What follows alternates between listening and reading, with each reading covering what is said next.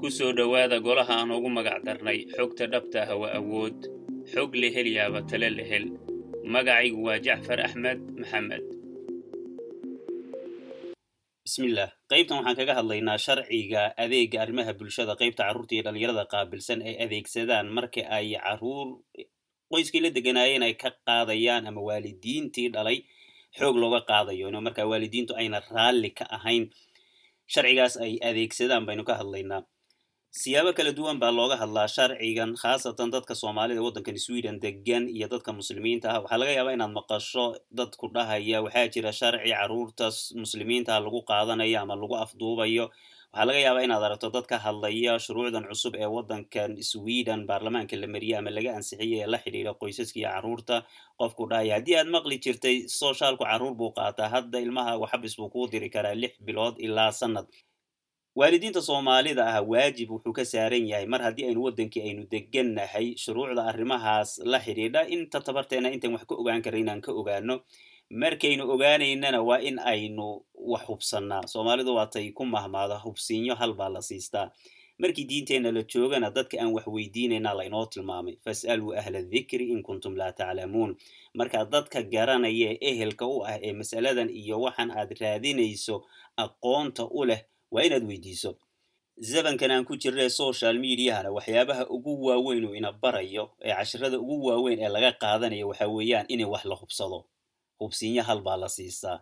Iyo dadka aynu wax weydiinayno inaynu ayakan aynu iska fiirino ama aqoon ba u leeyihiin waxan ay ka hadlayaan. Fas'aluu ahla dikri in kuntum laa taclamuun.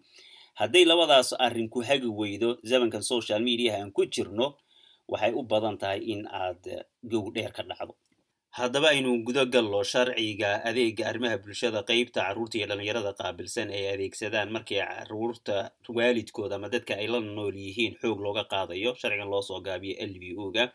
Waxaan rabaa inaad la socoto dhegaystow. Sharcigan marka aan ka hadlayo kama hadlayo sharcigan oo sharcina anfacaya haddaan soomaali iyo muslimiin waddankan sweden ku dhaqannahay ma yahay sharciganu sharci wanaagsan ma yahay ma sharci xunba kama hadlayo. Masalada qaab noocaasa ugama hadlayo markaan ka hadlayo l v o ga ama sharcigan waxa weeyaan waxaan ka hadlayaa waddankan sweden aheen nimaadnay sharcigan ay samaysteen goormuu fulaa iyo sharciganu maxay u samaysteen?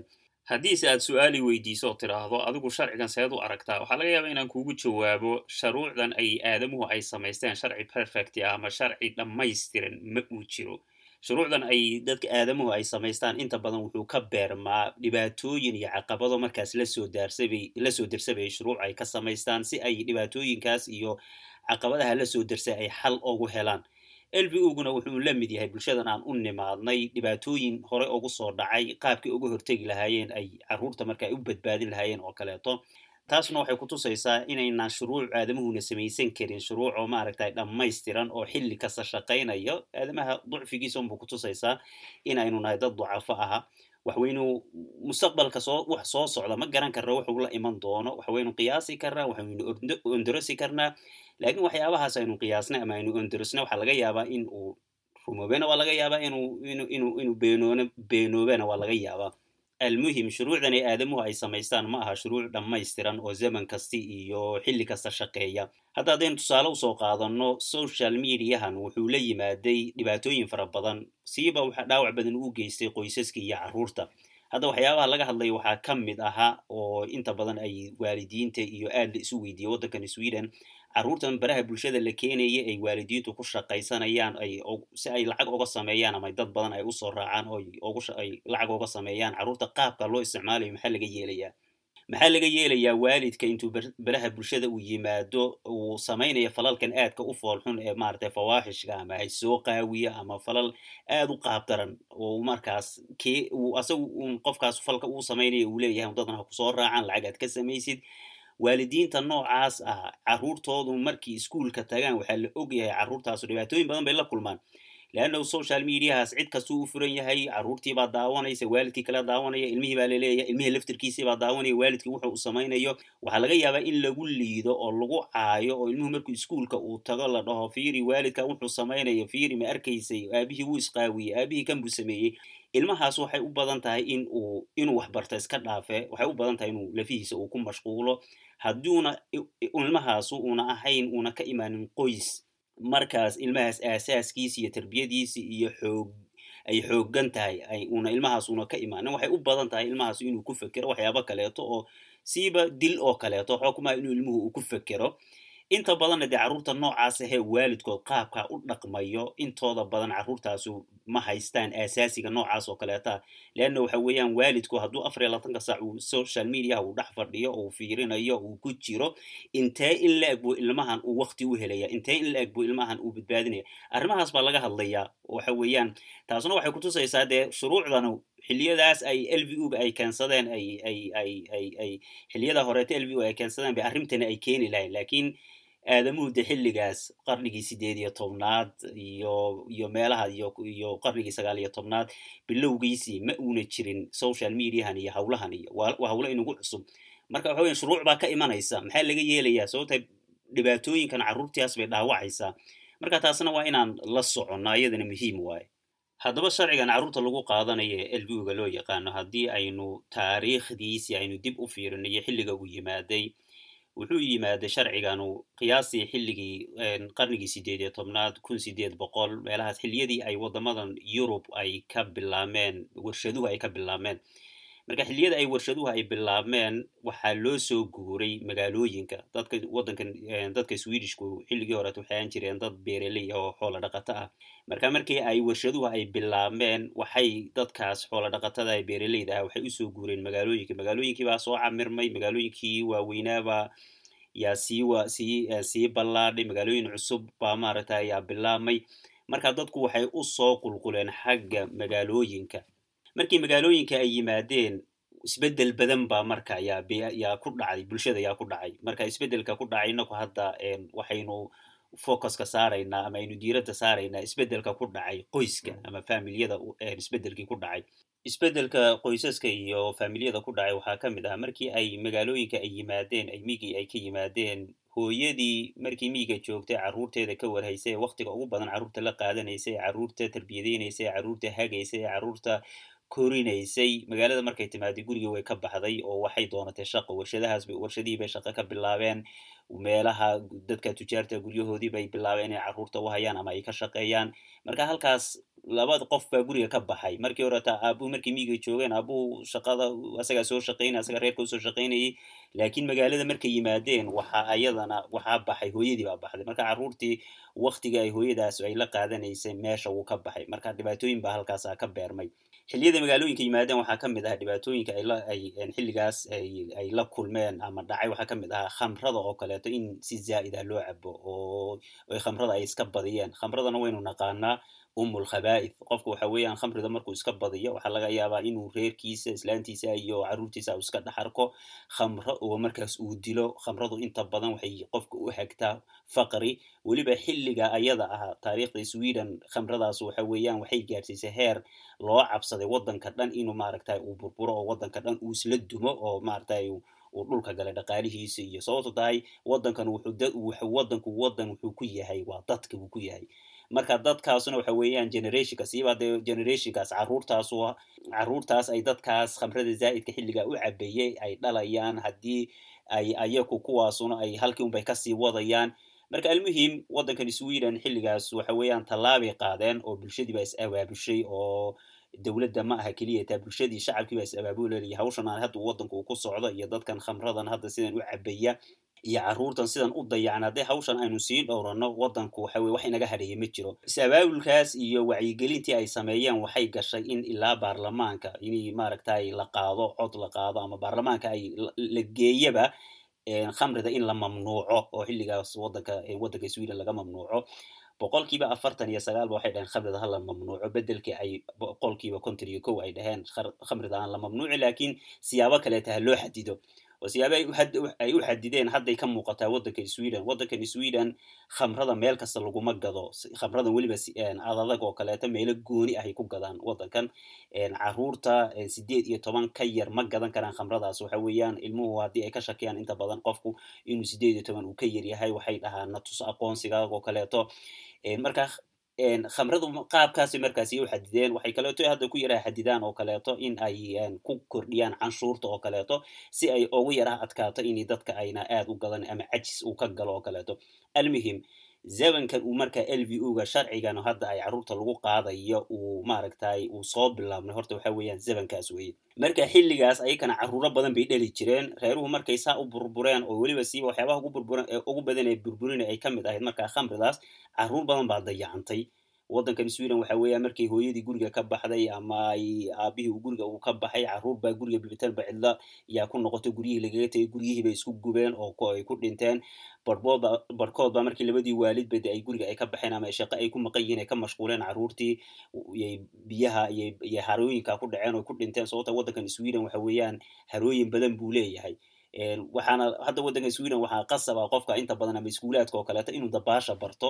Waxyaabaha keenayana waxa weeyaan waddankan harooyin badan buu leeyahay. Taarikh ahaanna waxa weeyaan xiliyada horeetana taariikhdaasi way jirtaa carruur badan in ay ku baaba'een oo ay ku dhinteen harooyinkaas iyo biyahaas oo kaleeto xilligaas waxa weeyaan ama qarnigaas sideed kun sideed boqol iyo xilligaas adugu waxyaabaha ugu waalidku carruur badan bay dheli jireen dadkan swedishka oo kaleeto. Marka markuu reerkii uu uu burburo siiba aabaha oo kaleeto uu maaragtay ama nolosha uu ka dhaco ama hooyada inta badan carruurta la wareegi jirta. Marka hooyadu markay carruurta ay ku hayso intaasoo dersin carruur ah way adag tahay hooyada laftirkeedu in ay carruurtaas ay u qaybsanto ay baahidii ay carruurtaas ay qabaan ay ka soo baxdo marka waxaa xilligaas waxaa dhacay carruur badan in iyagu laftirkooda ay ku dhacaan daroogadaas iyo khamridaas iyo dhibaatooyinkaas ay wareegtadaas uu waalidkood galay in iyakuna ay galaan oo kaleeto barhba waxay waxay waxay sababtay inay maaragtay ay ay wax dhacaan oo kale wax hadaan oo kaleeto carruurtii carruur fawda ah yaa soo baxday.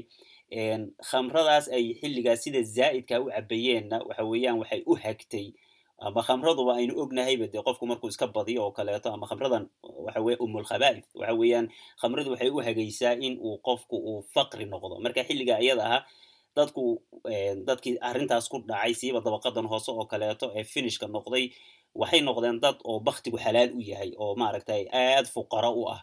Marka dadkaas faqrigaas iyo iyo falalka ay waalidku ay samaynayeen iyo dhibaatooyinkaas waxay aad u saamaysay carruurta marka waddanka sweden waa laga fadhiisto waxaa la yidhaahda hawshan haddaan ku sii soconno dee waddankeen cidna kama hadhayseen seen bulshadan u badbaadinaa sababta carruurtii mustaqbalku meeshay ku baaba'ayaan dadkan waa dadka la rabaya inay shaqeeyaan waddanka ay canshuur soo geliyaan waddanka ay dhisaan. Marka shuruucdan bay keensadeen uun hadafkiisa ugu weyn uunu ahaa kow in carruurta la badbaadiyo oo carruurta ay mustaqbal wanaagsan ay helaan oy laba in waddanka laftirkiisa loo danaynayo leanna waxa weeyaan haddii ay generationkan uu baaba'o yaa waddankan sweden hore u sii wadaya marka taariikhdaas dheer oon hadda runtii waxa weeyaan dee muddo dheer laga hadlay laga hadli kareeto yuu salka ku hayaa sharcigan l v o ga marka waa inaan saa ula socono sharcigu waxa weeyaan xilliga ay samaysteen ayakaa samaystay waxay u samaysteena waxay ahayd inay waddankooda iyo carruurtooda ay ku badbaadsadaan. Marka adugu almuhim shuruucdanu hadafka ay ka lahaayeen taas ba hooyada ilmaha fara badan haysa eena markaas aana keligeed carruurta ku fillayn in lagu caawiyo carruurta kaleete ayakana dayacan in la caawiyo saas oo kaleeto waalidiinta ayakuna markaas labadii waalidba de ay yihiin kuwo ama khamri cabaya ama darogaystayaal ah ama waxyaabaha isticmaalaya oo kaleeto in carruurtii aan aan aan xaqa ay ku lahaayeen ayna siinaynin ayakana maaragtay ay sharciyadan loo adeegsado. Marka sharciga intiisa badan sharcigan hadda ay inta badan ay ku shaqeeyaan wuxuu u badan yahay ku aana qasab ahayn oo marka waalidkii la caawinayo carruurtii la caawinayo reerkii la caawinayo kaas buu u badan yahay. Marka sharcigan l v o ga goormaa la isticmaalaa waa su'aal muhiima sharciganu marka waxa weeyaan in ay isticmaalaan waa inuu saddex shuruud waa in laga helo. Waxay u shardiyaan saddex shardi baa loo shardiyaa shardiga koowaad waxa weeyaan qoyskan ama reerkan carruurta haya ama bay-ada ay ku nool yihiin in ayna dadkaasu ayna ilmahaas baahidiisa ayna siinayn ama bay-adu ay tahay bay-a maarata iska khariban oona ilmuhuna ku barbaari karin oo ilmuhu maarata dhaawac gaadhsiinaysa xag maskixiyan iyo koritaankiisaba maarata dhaawacaysa inay noqoto ama in ay xagga ilmaha ay ka imanayso oo markaas ilmuhu falka uu samaynayo uu yahay fal dhaawacaya ilmahan caafimaadkiisa iyo koritaankiisa oo kaleeto. Halkaas hal shardi weeye. Shardiga labaad waa in ay shardigaas koobaad waa in hawlo waaweyn waa inay noqdaan. Waa in matalanba waalidkaas iyo bay-adaasu wax qarsoomi kara inayna ahayn. Meeshii soomaalidu ay dhihi jireen qorax soo baxday sacbo laguma qarin karo xaafadda markaad guriga saa u soo dhex istaagta ama ad aragto waad garan kartaa xaafad ama guri aana munaasab ama bey-a aana ilmahan munaasab ku ahayn in ay yihiin. Matalanba laba waalid oo labadooduba ay yihiin laba maaragtay khamrida aad u isticmaalo oo noloshooda maaragta ay iska kharibantahay oo kaleeto waxa weeyaan waad ka arkaysaa guriga markaad timaado bee-adu qaabka ay u eg tahay oo kaleeto.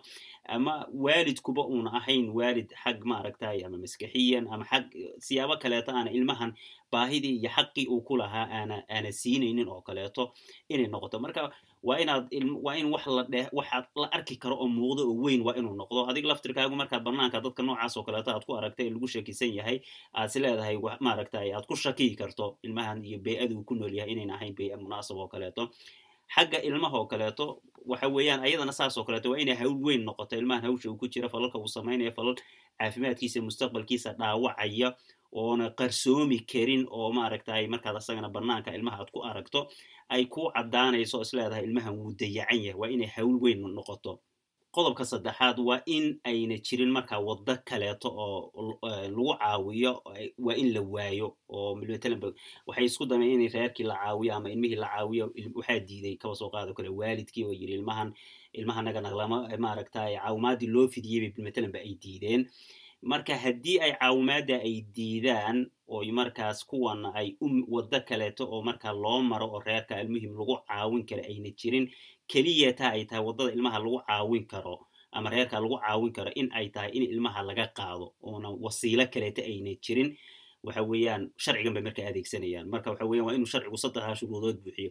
Hadday inta ay wasiilo jirto inta ay waddo kaleeto oo maarata isu afgarad ahoo reerka lagu caawin karatay ama ilmaha lagu caawin kartay inta uu jiro waxa weeyaan waxay sharcigan ma adeegsanayaan marka waxaa laga yaabaa mararka qaarkood oo kaleeto in uu waalidkuba uu dhahoba ilmahaygan waan waan u taag waayey ama ilmahan hawshan uu ku jira waxa weeyaan hawl khatar uu ku jiraa waan u cabsanayaa ilmahan waxaan rabaa in aad maaragtay aad caawisaan ama aad meel geysaan. Hadduu ilmahaasu uu shan iyo toban ka yar yahay waalidka go'aanka iskale marka waalidkaa saxiixaya waalidka marka iyo dadkaas caawinaya meeshii ay ilmahan ay ay ku wada tashadaan bay yaa ilmahan yaa la geyn ama lagu caawinaya hadduuse ilmahaasu shan iyo toban ama wixii ka weyn uu yahay ilmuhu asagu laftigiisu wuxuu leeyahay waa inuu go'aanka waxbuu ku leeyahay. Marka isagaa la weydiinaya waalidka waxaa laga yaabaa inuu dhaho arrintan maaragtay waa inaad meeshan sidan suuragal ma ah.